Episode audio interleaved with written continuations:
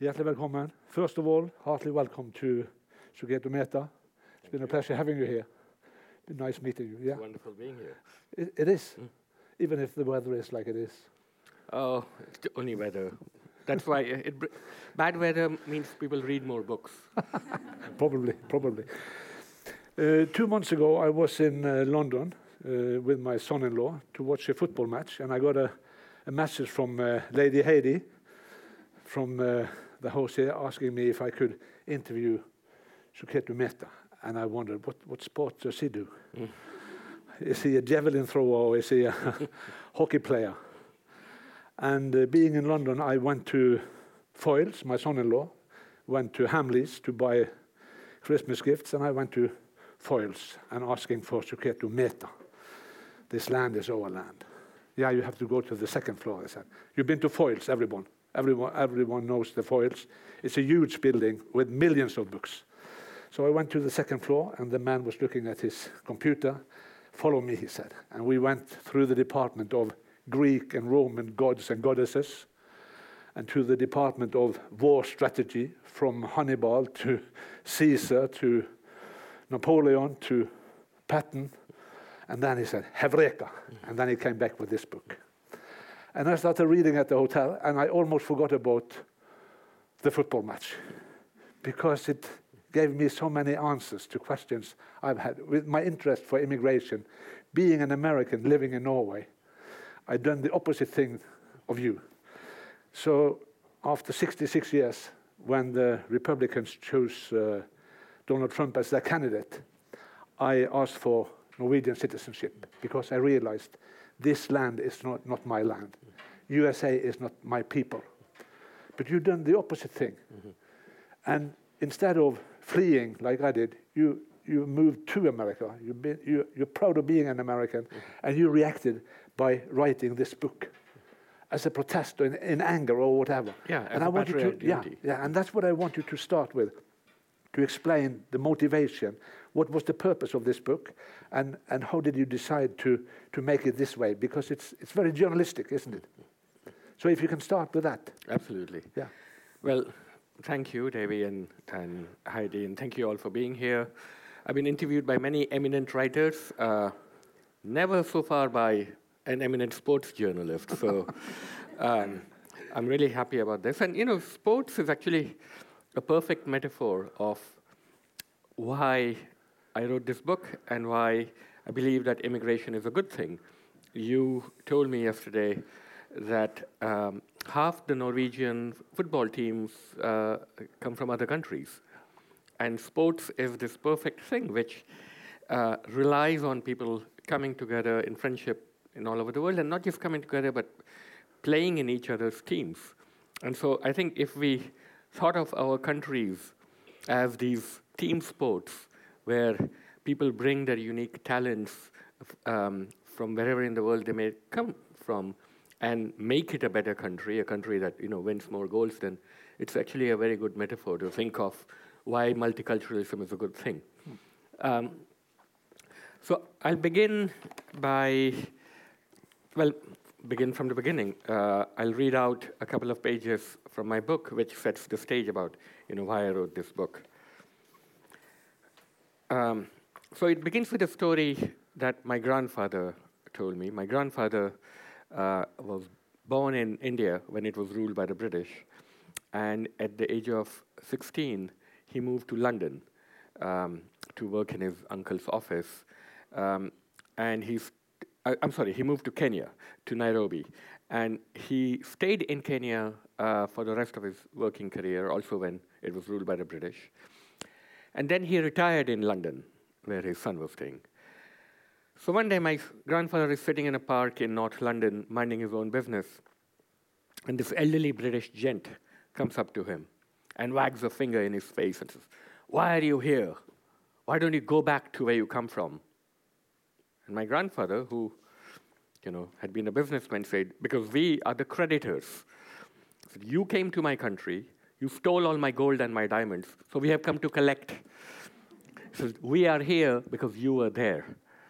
So that seems to me a perfect metaphor for why today's immigrants move. Um, uh, These days, a great many people in the rich countries complain loudly about migration from the poor ones. But as the migrants see it, the game was rigged.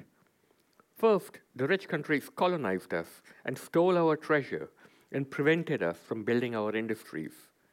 After plundering us for centuries, they left, having drawn up maps in ways that ensured permanent strife between our communities.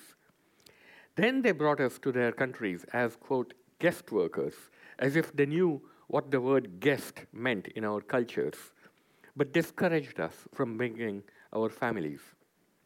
Having built up their economies with our raw materials and our labor, they asked us to go back and were surprised when we did not. They stole our minerals and corrupted our governments so that their corporations would continue stealing our resources. They fouled the air above us and the waters around us, making our farms barren, our oceans lifeless. And then they were aghast when the poorest among us arrived at their borders, not to steal, but to work, to clean their shit, and to fuck their men. Still, they needed us. They needed us to fix their computers and heal their sick and teach their kids. So they took our best and brightest, those who had been educated at the greatest expense of the struggling states they came from, and seduced us again to work for them. Now again, they ask us not to come, desperate and starving, though they have rendered us, because the richest among them need a scapegoat. This is how the game is rigged today. My family has moved all over the earth from India to Kenya to England to the United States and back again, and is still moving. I actually, have relatives in Norway somewhere. One of my grandfathers left rural Gujarat for Calcutta in the salad days of the 20th century. My other grandfather, living half a day's bullock cart ride away, left soon after for Nairobi. In Calcutta, my paternal grandfather joined his older brother in the jewelry business. In Nairobi, my maternal grandfather began his career at 16, sweeping the floors of his uncle's accounting office. Thus began my family's journey from the village to the city. It was, I now realize, less than a hundred years ago. I am now among the quarter of a billion people living in a country other than the one we were born in. I'm one of the lucky ones. In surveys, nearly three quarters of a billion people want to live in a country other than the one they were born in and will do so as soon as they see a chance. Why do we move? Why do we keep moving? So that's why I wrote this book to answer those, these questions. But you had uh, a certain aggressiveness, anger with, uh, with the nomination of Donald Trump, his attitude, we, them, uh, the others uh, stealing our wealth, stealing our working places. And he sort of tricked the American public to vote for him with the impression that the Chinese have stolen your wealth. The opposite, when many companies have moved their businesses to low cost countries and therefore they are out of job, the, the, the middle class Americans. Mm. How do you explain that? that sure. how, how, how, does American buy that? Mm. So um, I began this book in 2016 the year that this unmitigated disaster landed on the planet Earth, which is the election of Donald Trump, an existential threat, threat to the planet. And I'm afraid he's in danger of getting reelected. So I wrote this book to kind of counter the narrative of Donald Trump. Now, I know Donald Trump because I grew up in Queens, New York, where he was born. Um, Trump was born in an exclusive housing estate called Jamaica Estates, and I got to Queens, which is um, th- there's a part called Jackson Heights, which is now the most diverse neighborhood in the country. Um, and I grew up there. I, I, came there when I was 14. But when I got there, it was an incredibly racist place, and I've written about that my early encounters in this book. My parents put me in an incredibly racist Catholic school where I was, uh, it was an all boys school. I was the first minority. The teachers called me a pagan. Other boys tried to push me down the stairs. Um, Queens at the time was an, you know, working class whites, and then the first minorities were coming in. Um, so I was a representative of everything their parents hated. and their parents were people like Donald Trump. Um, so every year after uh, I got there, I, I went to uh, college there, and I lived in Iowa, and I lived in New Jersey. I now live in Manhattan.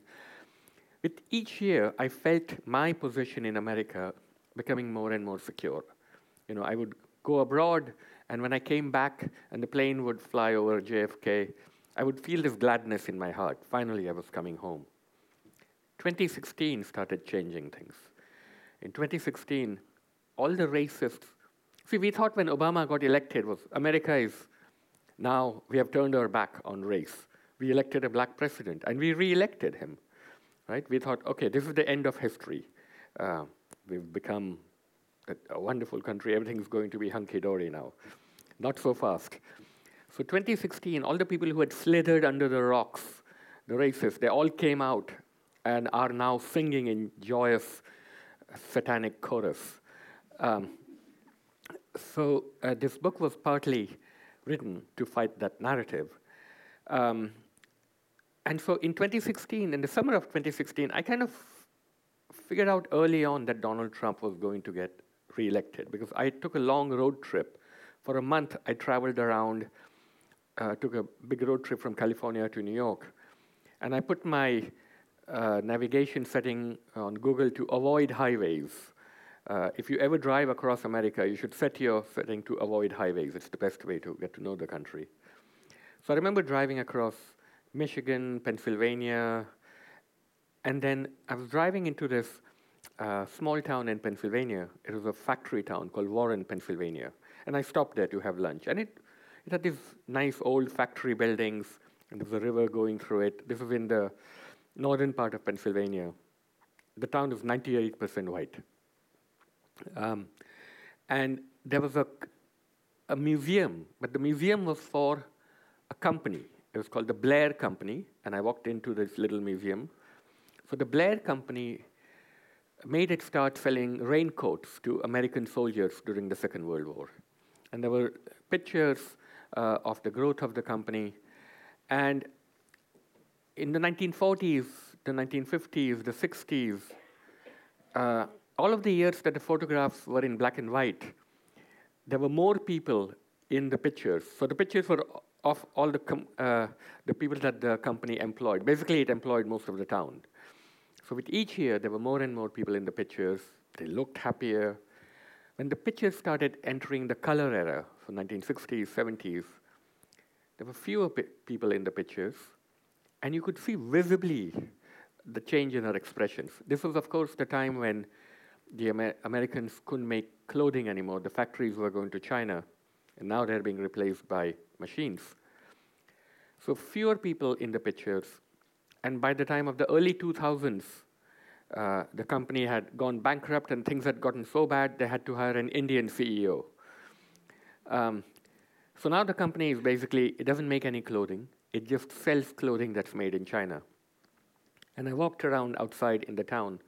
There was an antiques shop where people in the town of Warren were literally selling their family jewels. So there was a, a veteran who only had one leg. Uh, um, and he kindly took me around the town. And I said, It's a beautiful town. He said, Oh, it used to be. But now the only industry that's left here is the drug trade or the military. 80% of this town voted for Donald Trump. And I could see why, because you know, in the 20th century, it, it was the American century. If you were a white American, you had a great life. You, uh, you didn't need a college degree to have a factory job. Your, you could have a car and a house. Your children would have a guaranteed factory job or a good union job. It all disappeared.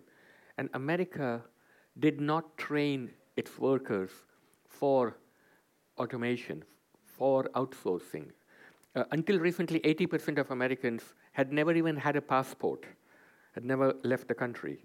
So suddenly, the 21st century is not the American century. There are young Brazilian and Nigerian and Indian kids who are willing to study longer and work harder than American kids. So, you know, these people feel cheated. Uh, um, and then the 2008 financial crisis hit. So all these people lost their houses and their savings, and they were angry. So, who stole their houses and their savings? Not the Chinese or the Indians or the Mexicans, but the people on Wall Street. So, they were angry. But the people on Wall Street, the elites, being no fools, knew that this anger would consume them. The peasants would come for them with pitchforks. So, it had to be diverted. So, along comes Donald Trump and Steve Bannon, his advisor, and they diverted it onto the weakest and the newest and the poorest, the immigrants. All these people coming, these mothers and children coming from the southern border, the Mexicans. There were all these. Uh, Trump ran on the premise that these are people, they're rapists and terrorists. Uh, they will steal your jobs and your women. Uh, and he succeeded.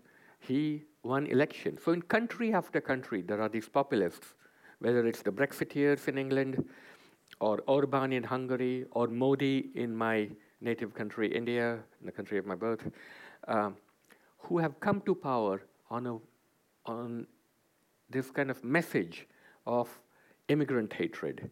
For the people, the working classes in their country, their message is you don't have a future because it's being stole, stolen by immigrants. So in my book, I have lots and lots of you know, figures and studies, and uh, I've spent a great amount of time collecting the research for why this is not so. Um, that immigrants improve the countries that they move to. Uh, they don't, in fact, steal jobs, but it's a question of storytelling. Um, the world today is engaged in an epic war of storytelling, of narrative. There is that kind of story that immigrants are responsible for um, your pleasant plight, and this other story. So, a populist like Trump or Orban or Modi or Putin, a populist is a gifted storyteller, someone who can tell a false story well. And the only way he can be fought is by telling a true story better. So that's where journalists come in, writers come in. And that's why they're so scared of journalists and writers. That's why they go after people like us. But you, you teach young journalists. Yeah.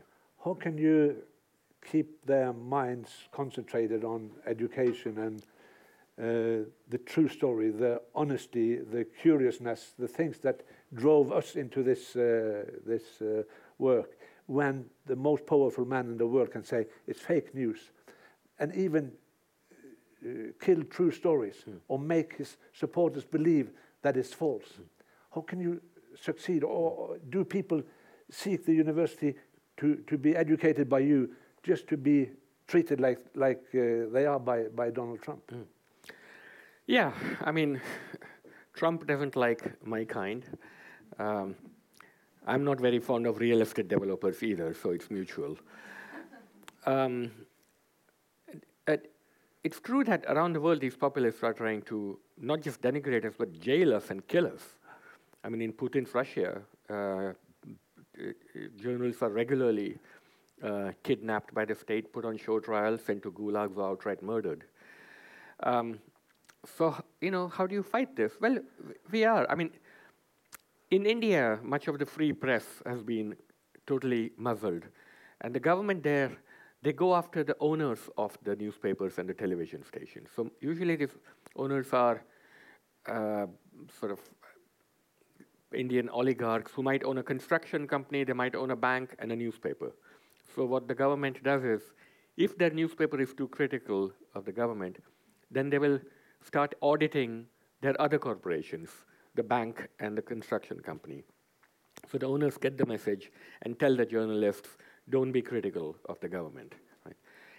In the US, the press is still mercifully, uh, the Washington Post and the New York Times, uh, they're doing excellent work, CNN, uh, MSNBC, the, the, television networks, there's an active tradition of uh, um, uh, of the free press, and you know they are giving lots of pushback. Look, you can only fool, you can't fool all of the people all of the time.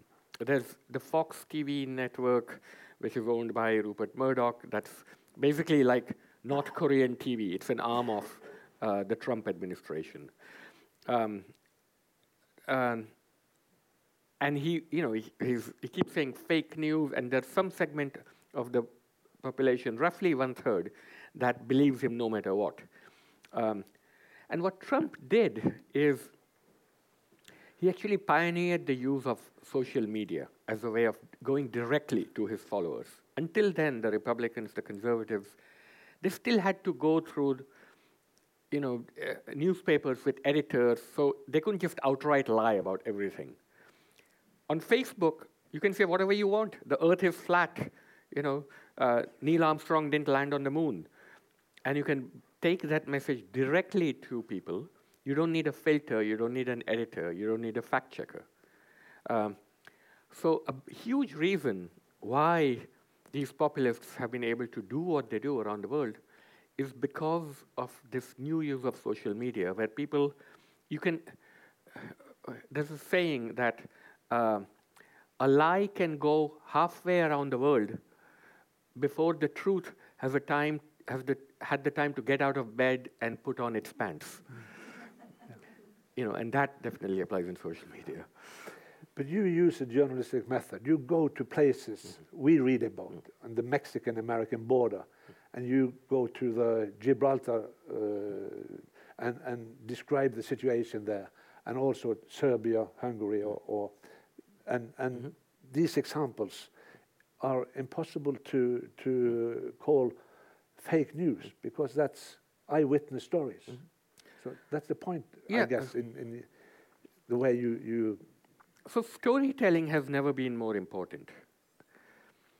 Um, look, I have plenty of numbers in my book. Uh, much of my book is the numbers about immigration. Um, what percentage uh, of what country is migrants, the number of jobs, the statistics on the economy. These numbers are important, you know. Otherwise, it's just people telling stories off the top of their hat. But stories are equally important. And the problem with the left, with academics, with well-intentioned journalists, often is that they rely on the numbers. They say, look, I mean, it's indisputable that immigration is good for the economy. Here are the figures. How can you argue with figures? People don't think in terms of figures. They th think in terms of stories of human beings, right? I mean, the Bible doesn't have any statistics or you know, Jesus didn't say, in a recent poll, 75% of the people thought it's good to be nice to your neighbor. they speak in terms of parables. And that's what people like Trump have figured out. He, he tells stories. I met a guy in Paris once. He told me there are all these no go zones where only Muslims can live. The cops can't even go in there. And it's like, you know, some guy at a bar just telling you stories. You kind of listen to him because he's an entertaining storyteller. So Trump comes from a television background, like you, but you know, you're honest and he's not. Um, but you know the appeal of television, of yeah. telling a good story, and you and you know you've got to be short. You have a sound bite. You can't bore the reader with too many numbers. He knows all that. He's very good about all that. Um, so, in my book, I wanted to have not just numbers but also stories, and stories are what touch the heart. And I'll tell you one such story. Um, so, uh, along the southern border of the United States, it's a 3,000 mile long border, there's only one place where, if you want to meet your family who's on the other side, you can go to this place and meet your family face to face. It's a place called Friendship Park, and it's south of San Diego, just above Tijuana in Mexico. Um, so there is a wall there, but the wall ends just before it meets the Pacific Ocean. And right before the Pacific Ocean, there's a very small stretch of land, about the size of this room, um, where under the Nixon administration, there was an open patch. You could go there, and if you didn't have papers, if you didn't have a green card, you could meet your family who would come from the other side. You could give them a hug, have a picnic, and then they would go back to Mexico you would go back to the US and no one would ask any questions. So over the years, over different administrations, uh, this open land became a sort of fence. And uh, under the Trump administration, uh, they still allow people to go there, but now there's a very thick iron fence, um, this ugly industrial fence with very small holes in them where if you're an immigrant with, without papers, you can go there on weekends between 10 a.m. to 2 p.m. And for 15 minutes at a time, you can talk to your families across the fence. Um, you can, you, you still see them, but um, there's a fence that divides your face and their face. So I stayed there for two weeks, and it was some of the most heartbreaking reporting of my career because I would just stand there with a notepad and speak to people who were seeing their families after many years. I remember seeing, meeting a Mexican man who had left Mexico 17 years ago because his mother was ill and he wanted to send money back to his mother so that she could get the medical treatment she needed. And he worked in construction in Colorado, worked brutally hard. And all his savings he sent back to Mexico so that his mother could stay alive. So finally, after 17 years, he was going to meet her face to face. It was a long, expensive journey for, for her, and he had to come by bus from Colorado because he couldn't take a plane, because on the planes you get checked for papers, on the buses you don't. Finally, he's going to see his mother after 17 years. And he goes up to the fence, and his mom comes up on the other side, and they both put their faces up and they put their hands up. And he told me later he could smell her breathing on his face, and she said, I love you, son. And he said, I miss you, mother. Um, and she asked him, You look thin, you're not eating enough. The question all mothers ask all sons. And he, he couldn't hug her, but he put his hands up to the fence, and the holes in the fence are only small enough to put your pinky finger through. So he puts his pinky through, and mom puts her pinky finger through, and they touch their pinkies. And all along the fence, their brothers and sisters, mothers and children, siblings, best friends, husbands and wives, and this dance of the pinkies, this kissing of the pinkies.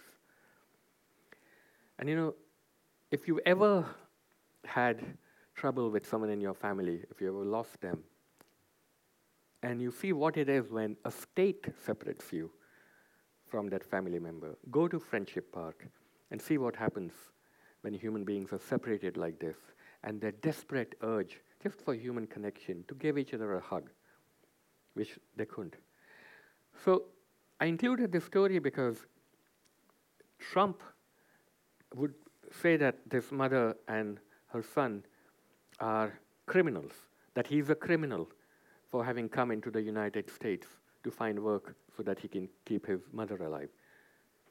To me, he's not a criminal, he's a hero.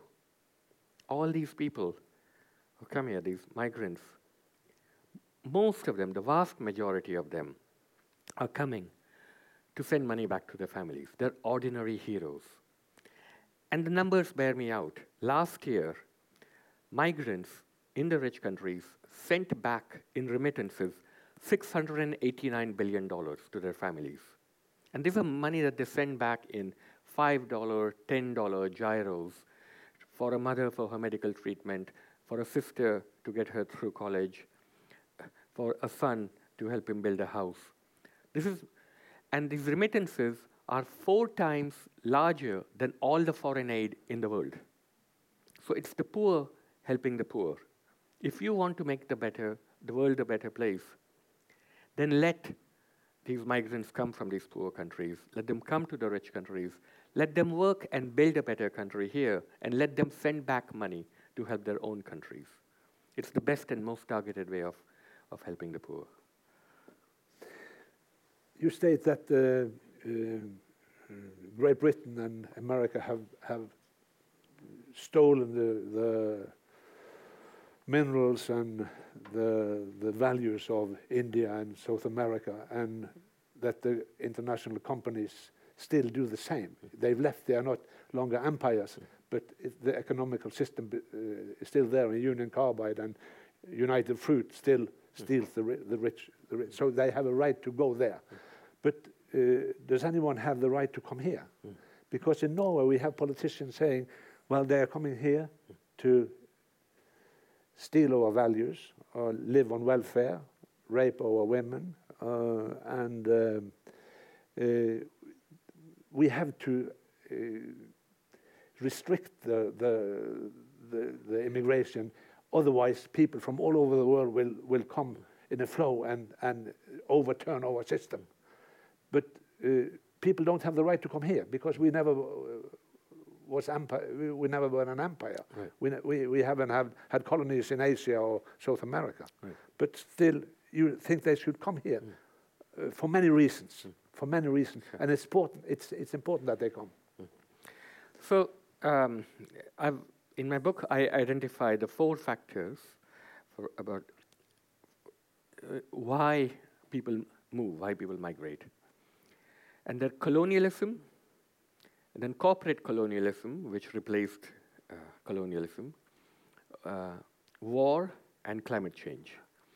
So, um, you asked me about you know the uh, the figures about, about colonialism and so I'll just give you one example. When the British um, came to India, which was at the beginning of the 18th century, India's share of the world economy was 23%. So basically, uh, India accounted for a quarter of the world's GDP. By the time the British left in 1947, India's share of world GDP was under 4%. So all that money went to England. When I walk around London and I see these, you know, palaces and these museums, I think I should have a room in there. You know, it's, it's, um, it's not just what they did, what they stole uh, when they were in these countries. It's how they left. When the British left India in 1947, they brought a lawyer down from London who'd never been to India and gave him five weeks to draw two lines down a map. So as a result, Hindus, Muslims, Sikhs fell on each other, massacred each other, because they didn't know which country they were going to be in. It was the world's greatest transfer of populations. Over a million people died, over a million women got raped, millions of people had to move in a matter of days. These colonial powers, among their worst sins was they were, they were lousy map makers. You look at a map of Africa, political map, and there's all these straight lines. And these straight lines divide tribal homelands. These are nations that had existed for thousands of years of African history. And when the colonial powers left, they drew these lines along latitudes and longitudes for administrative convenience and cr- created all these new nations. That's why there's continuous civil strife in Africa as these homelands try to regather themselves across these colonial lines. Two countries, Britain and France, have created 40% of all the national borders on the planet today. Um, when they left, they left behind their corporations. And these multinational corporations, whether it's Shell in Nigeria or Union Carbide in India or the United Fruit Company, this American company in Guatemala, they continued this tradition of plunder. At one point, the United Fruit Company, which is basically a banana company, owned 42% of all the land in Guatemala. Imagine a Russian company owning 42% of Norway. Um, so when these people move, they're kind of following the money, their money. Um, war is the third factor. Um, when the Un- United States went into uh, Iraq and NATO, which Norway is a member, um, so one million Iraqis died. It was an illegal and unnecessary war based on a lie that uh, Iraq had weapons of mass destruction. A million Iraqis had to pay the price for Bush and Cheney's idiocy. So I submit that a million living Iraqis now should have the right of residence in the NATO countries. It's immigration as reparations. But the fourth and biggest driver of immigration is climate change. By the middle of the century, over a billion people are going to be displaced by climate change. They'll have to leave. You know, you in Norway know this. Uh, uh, there's been no snow this year, I understand. Um, there's uh, the Arctic is warming. Um, and who's responsible for this? The United States has put in one third of the excess carbon in the atmosphere. European countries, another quarter. Um, Norway is the world's seventh largest uh, petroleum exporter. Last year, uh, petroleum exports accounted for $20 billion um, in, in revenue that Norway accumulated.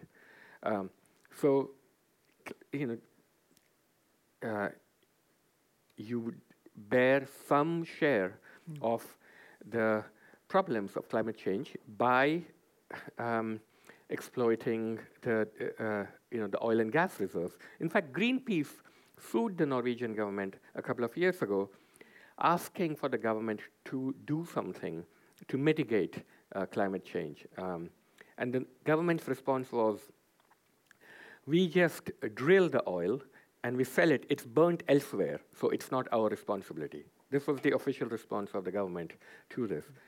Now, so my book is written in anger because the whole debate about immigration is what's in it for the rich countries? Should we let in people? How many should we let in? Should we keep them out? Why are they coming here? In the case of Norway, for example, we were never a colonial power, so why should we have any kind of responsibility? And what very few people ask is um, what is the migrant's perspective? Why are they moving? So, my book is about the migrant's perspective. It's an angry book, but it also ends in hope because this overall story of global migration is a good news story, including for the rich countries, most definitely including Norway. So, uh, I established that immigration is good for the migrants themselves because for refugees from wars, for example, from Central America or Syria, it's literally a matter of life and death. Or for people who are fleeing climate change from places like Mali, um, where they literally, uh, you know, there's no crops growing in the fields because it's too hot. But it's also a good news story for the rich countries because they're not making enough babies. Mm and they're getting older. So in 1950, 8% of Norwegians were over the age of 67, were senior citizens. Today, 15% of Norwegians are senior citizens.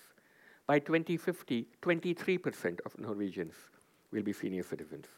They're not going to be working, they're not going to be um, adding to the economy. And at the same time, the number of babies being born on Norwegian soil is plunging dramatically. By 2050, uh, only 17% of the population will be under 15. The fertility rate of a country, in order for a country to replace its population, is 2.1 babies per woman. The Norwegian fertility rate is 1.7 babies per woman. So you're going to have, like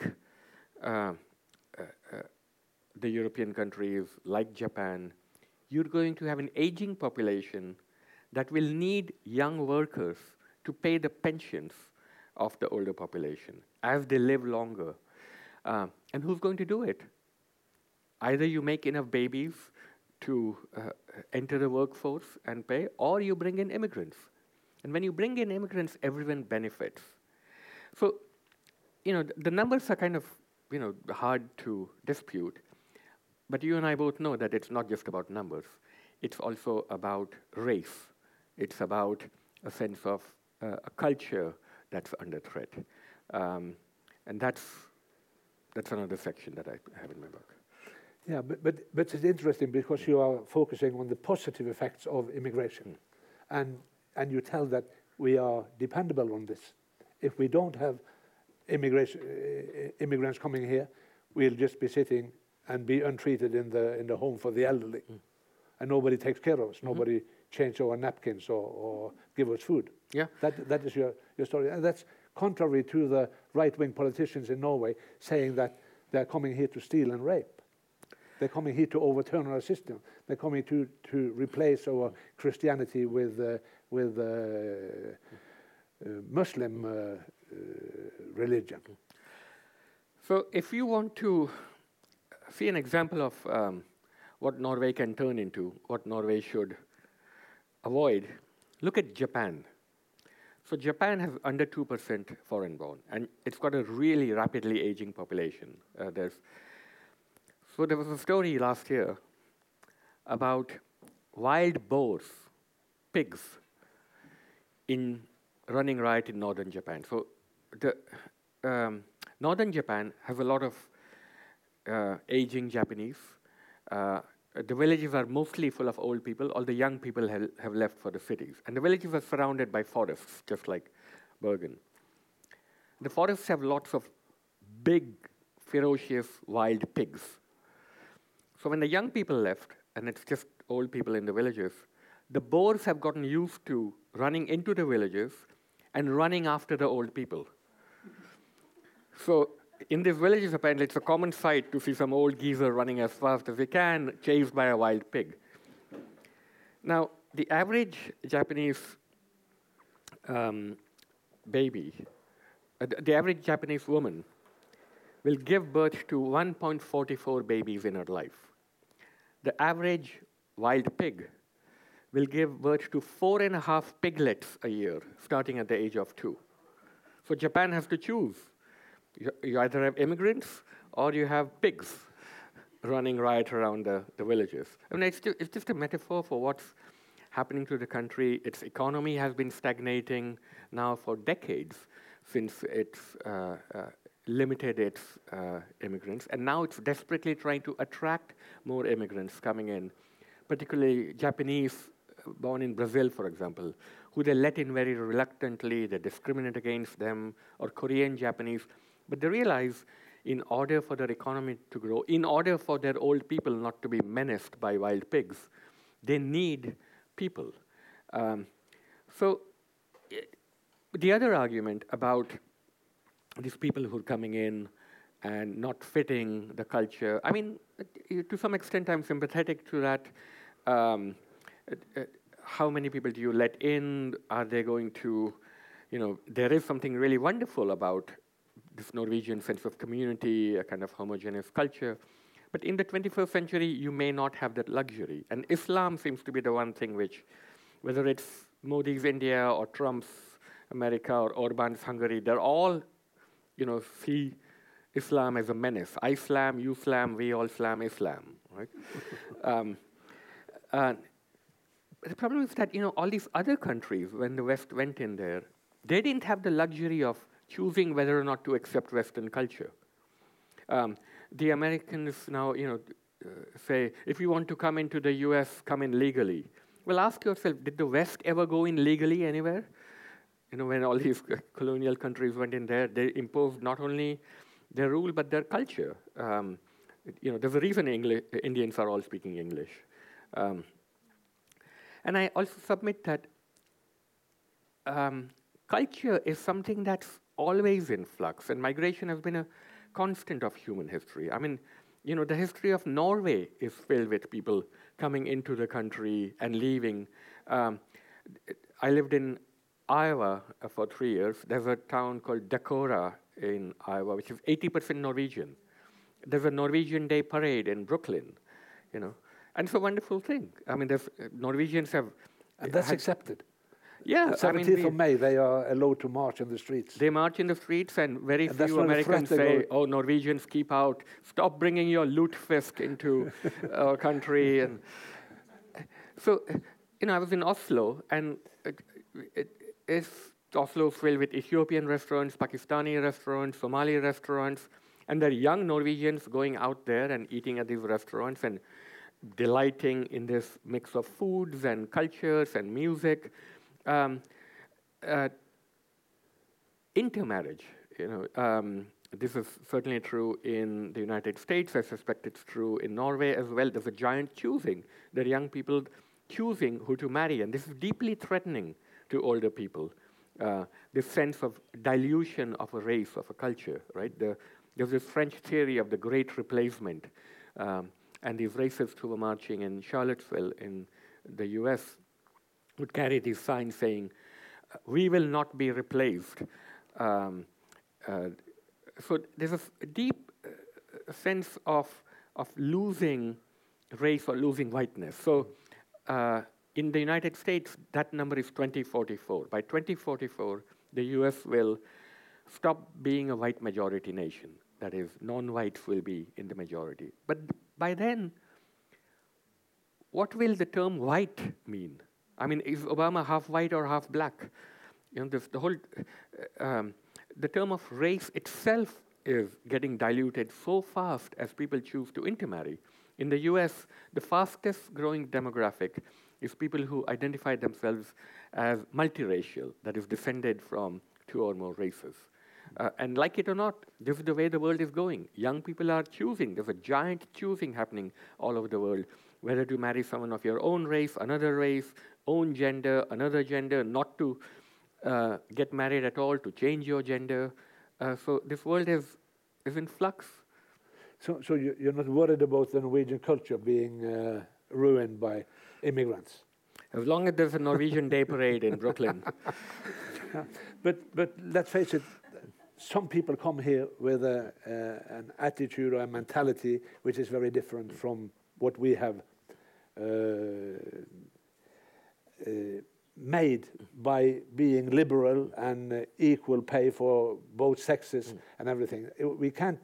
Uh, uh, we, ha we have to accept that some of the people wearing burqa and uh, thinking that uh, sunbathing women are like prostitutes. Mm. It's, it's something mm. that you have to be aware of. You mm. can't just ne neglect that yeah. aspect of, yeah. of Well, I certainly think that people, um, when they come to a country, need to abide by the laws of the country, respect the customs of the country. So I don't think that any person from any religion has the right to tell a Norwegian woman not to go topless or, you know. Um, but by that, same token, I don't think any Norwegian has the right to tell a woman not to wear a burqa, right? So I think it's a matter of individual choice. You wear whatever the hell you want. Uh, you, you, want to wear a tinfoil hat or a helicopter hat, go around and do it. Um, yeah, but uh, uh, then both sides must be liberal or, or accept well, the other attitude. It's a matter of choice, right? Of, yeah. of a, a, woman's right to choose what she's going to wear or not yeah. wear. Um, so, but I also think that you know these these incidents tend to be overblown by the media and politicians to make a point. I don't think that there would be that many Muslims who would ask, who would demand Norwegian women not to go topless to offend their sensitivities. And if they do, then you know it's it's not something clearly that uh, it, they should be allowed to impose their will on anyone else, and uh, also the other way around. Um, I do think that there is a question of atomization in these countries, whether it's the US or Norway, that we tend to live in our bubbles and have very little knowledge of the others. Now, I think multiculturalism is a good thing. I think that you know people learning their own language is a good thing, as long as you also learn the languages of the of the host countries. But beyond that, just getting a knowledge of how each other live, and it's not just immigrants and natives; it's also rich people and poor people. My children went to a private school in New York because it was a fantastic school. But as they grew up, they didn't have much knowledge of children in the public schools, and then they went to a university, and um, there's been very little opportunity for them to mingle with children from other parts of who, who are not like them, uh, who are politically conservative or who are poor. I mean, they've done it uh, on their own accord, once a journalist, once a political activist, so they now actively go out and seek the other. But I take this unpopular position that there should be some form of nat national service in the US.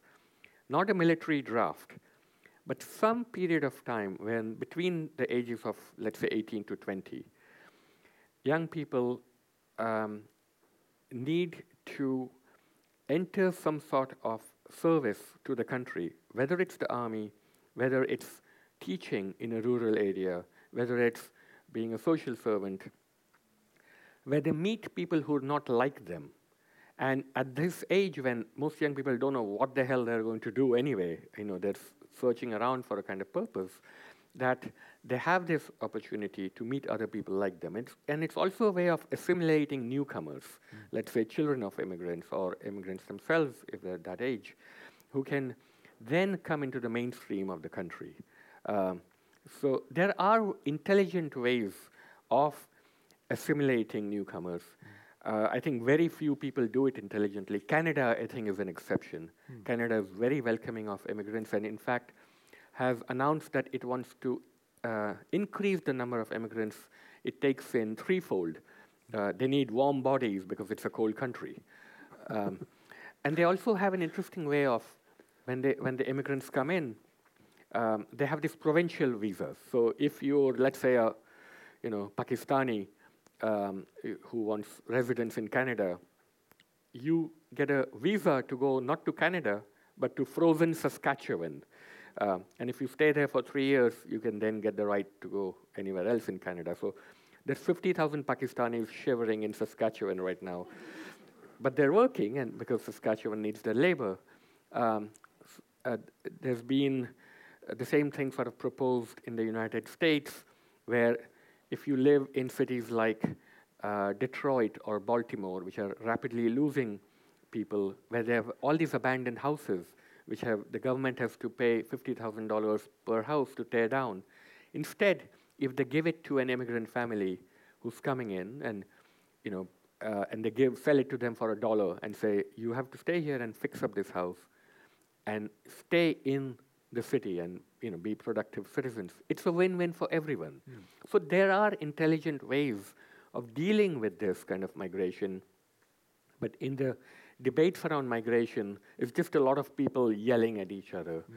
uh, it's, it's all heat and very little light uh, in the 50s, before the oil, when Norway was a pretty uh, poor post-war country, we accepted Hungarian refugees. Mm -hmm. We had refugees from Vietnam in the late 60s, early 70s, and we have refugees from Chile coming after the coup d'etat there. But now we have a saying that we should help them where they are. Mm. Send a check to Syria. What is your reaction to that? Um, you can send all the checks you want to Syria. Uh, very little of that check will actually get to the refugees uh, coming there. And if you've, I've seen some of these camps in Morocco. In Syria, it's much, much worse. These refugees, when they come from all these um, war-torn areas, whether it's Africans coming through Morocco or uh, Syrians moving internally, um, these camps are hellholes. They're concentration camps women are raped, uh, they're tortured, um, children, unspeakable things are done to children. Um, you know, we find as a world, we were horrified by what happened to Jews in the Holocaust. When ships full of Jews were turned away from America, uh, from Canada, and sent back to the gas chambers we as a world were shocked and said, never again. That the right to asylum um, to, for a person who is at grave risk of death or torture in their home country, that uh, every country is obligated. You know, all the civilized countries of the world have signed covenants, binding covenants, that the right to asylum is absolute. Um, and so, you know, it's, it's some of the Jewish organizations now that are in the forefront of protecting Muslim immigrants because they realize that this right to asylum is absolute. It's a universal human right. Um, and, you know, there's been the UN has ratified this, all these countries have ratified this. And now for these countries to say, you know, you're coming here, and let's be clear, they're coming here because of what we've done to them, because of the wars we've imposed on them, because we've fucked up the climate. Um, you know, developing countries will bear 75% of the costs of the climate crisis, even though the poor half of the world, uh, they've caused only 10% of carbon dioxide emissions. So they're suffering for a problem that's not of their own making. All these people who are leaving, they're not leaving because they hate their homes or their families uh, or their language or their food. They're doing it because they have no choice. I saw this, for example, I'll give you another story. In Tangier, um, there was a little family from Guinea, Guinea Conakry, that I met. Mother, father, newborn baby. Uh, and I went to that little pension. I held the baby in my arms. It was five days old. And they told me they had to leave Guinea. They went on this incredibly arduous journey across deserts. Um, and uh, they had this baby which had just been born in Tangier, and they were waiting to go to Spain. So if you're in Tangier, you can literally see Europe just right there, El Dorado. Um, and so they were going to go on this tiny lifeboat and take the baby, and they were going to drug the baby. They were going to ask me if I could give them medicines so that they could drug the baby to keep the baby quiet during the sea crossing. And I said, please don't do that, you'll kill the baby. Why would this family take their first child on this journey, and what would make them um, do this? It, so I started looking into it. Now, Guinea is not a poor country. It's got half the world's resources of bauxite. Now, bauxite is a very important mineral. Guinea has half of the world's reserves.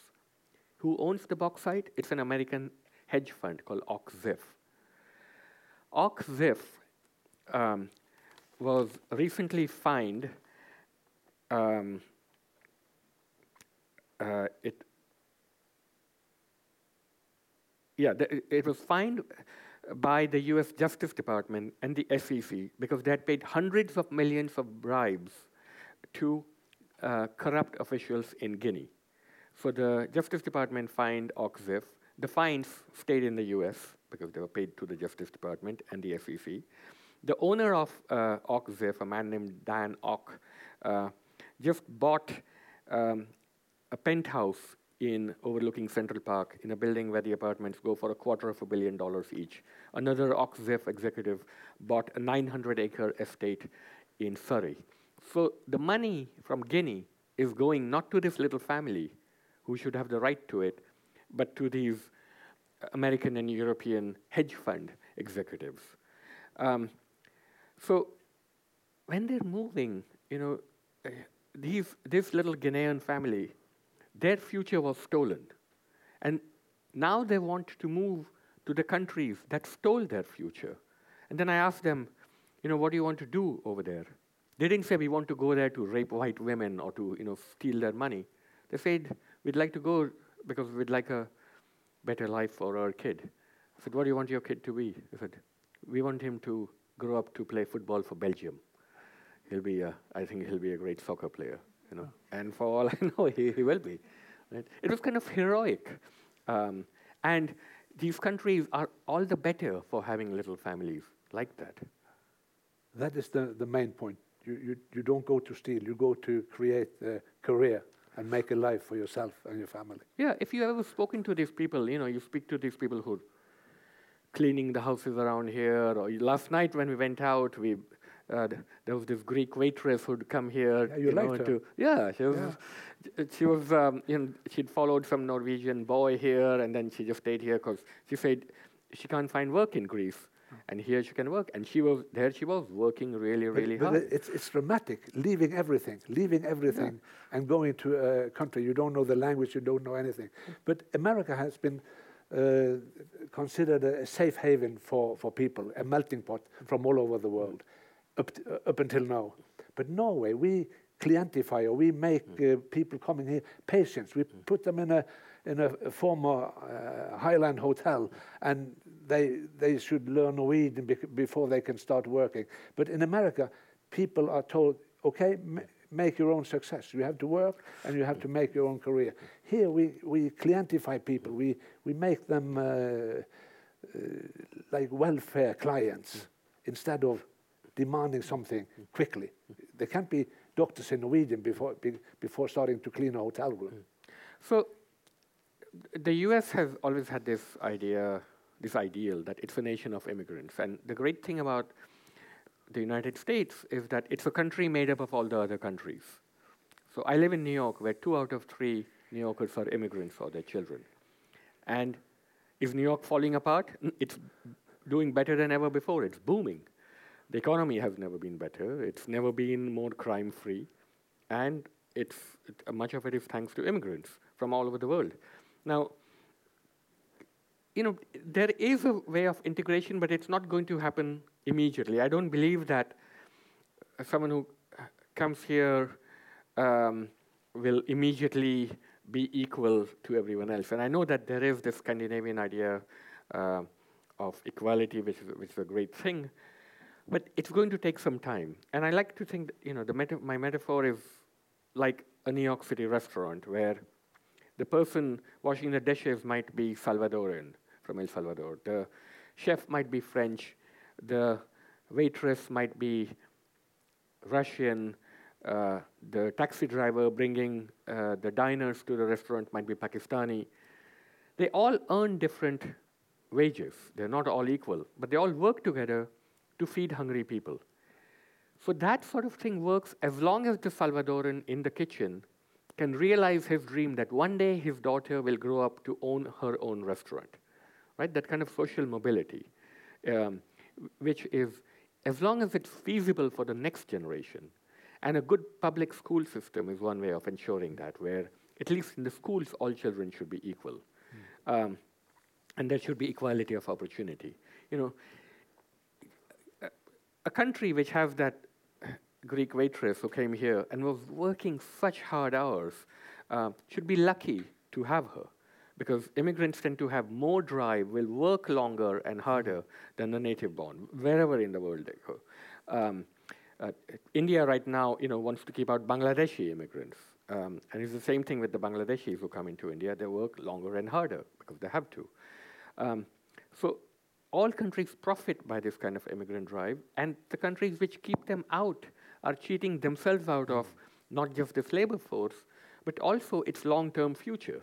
Uh, I mean, there's no doubt among economists that bringing in immigrants is going to increase your uh, GDP. I mean, you know, and here the figures are really um, uh, uh, sort of startling. If you had completely open borders, and it's not something I'm advocating, I'm calling for open hearts, not open borders. But if you had open borders, world GDP would double. So the world would be richer by $78 trillion a year. Um, um, but even, you know, something short of open borders, which is much more movement and much more acceptance of the people who are already here is something that will benefit all countries. Look, the world doesn't have a choice. If you think 4 million Syrians going into Germany because of a war are a problem, what happens when Bangladesh gets flooded and 400 million Bangladeshis have to find dry land? Very soon now, entire island nations are going to be underwater. All these people will have to move. And what's going to happen when they move? Are we going to start shooting people en masse at the border? The world has to come together and create some sort of global response to the coming age of mass migration. And the only thing that comes close to it is the UN, um, it's a, an accord on migration, and there are many countries which have completely opted out of even that. Um, I mean, Norway is one country which knows about global diplomacy. Maybe Norway can take this lead in how to manage this coming age of mass migration because it's not something, it's not a luxury. We will have to do it, like it or not. Figure out how we human beings, who have always moved across the planet, through all our history as a species, we have moved. Vikings, you know, moved everywhere. Uh, people moved in and out of this country as they moved in and out of every country. This whole system of passports and uh, visas and walls, it's only around 100 years old. We shouldn't take it as a natural given. We could have talk, uh, spoken for many hours, uh, Suketu, but you have promised me that you would sign books and talk to people yes. who might be interested in something we haven't talked about already. Absolutely. Thank you very much. It's been a pleasure. Thank you. Thank you.